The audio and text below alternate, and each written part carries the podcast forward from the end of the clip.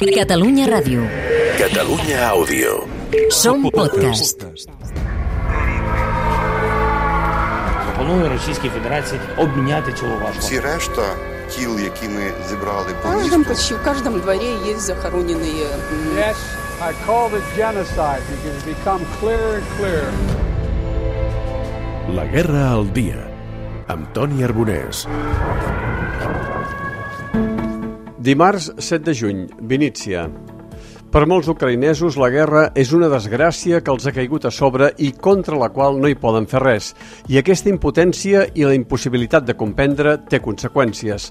Pau Miranda, cap de comunicació de Metges Sense Fronteres a Ucraïna. És evident que gent que ha patit el trauma que ha patit la majoria de gent en aquest país, sobretot els que han hagut de fugir, necessita alguna mena de, de suport terapèutic. Per tant, hi ha psicòlegs amb els equips que intenten buscar aquesta gent, mirar com se'ls pot ajudar i de vegades fins i tot derivar-los cap a servei de salut. Els afectats són els 7 milions de desplaçats interns segons l'Organització Internacional per les Migracions, a qui la guerra ha fet fora de casa i ha obligat a anar-se'n a zones d'Ucraïna arrasarades del conflicte.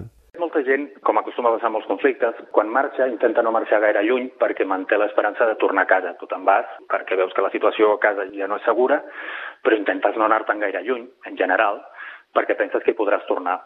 Molta gent els primers dies sí que va marxar, sobretot per posar les seves famílies en llocs segurs, i això de vegades volia dir fora del país.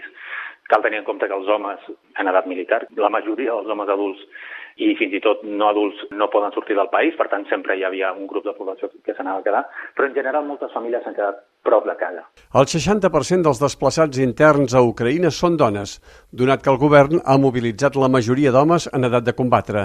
Amb el temps, amb la destrucció que ha anat avançant, moltes d'aquestes famílies han vist que això no era possible i en alguns casos han fugit una mica més enllà, també perquè les línies de front i, per tant, les zones d'inseguretat s'han anat movent.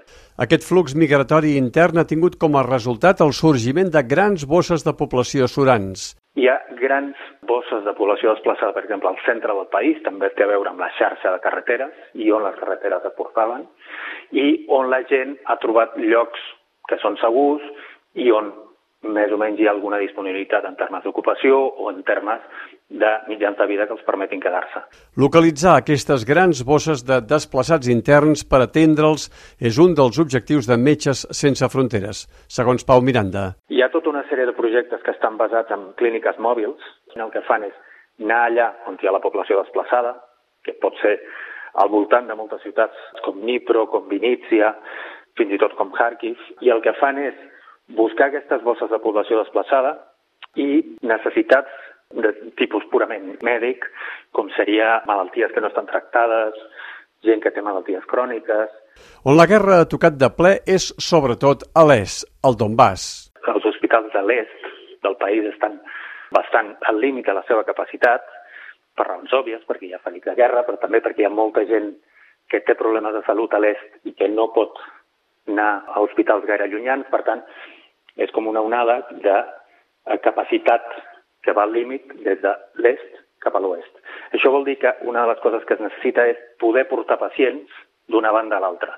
Un dels operatius posats en marxa per Metges Sense Fronteres al Donbass és un sistema d'ambulàncies per traslladar pacients dels hospitals de l'est saturats als de l'oest. També un tren hospital. S'ha posat en marxa un tren, un sol tren, però que pràcticament roda sense parar, des de diverses localitats de l'est, que poden ser Pokrovsk, pot ser Dnipro, pot ser Kiev, pot ser Kharkiv, cap a l'oest, normalment amb destinació a Lviv, on una sèrie d'ambulàncies recull els pacients i els porta a diversos hospitals. Des que els russos van llançar els tancs sobre Ucraïna, el sistema de salut d'aquest país se n'ha ressentit perquè els desplaçats són molts.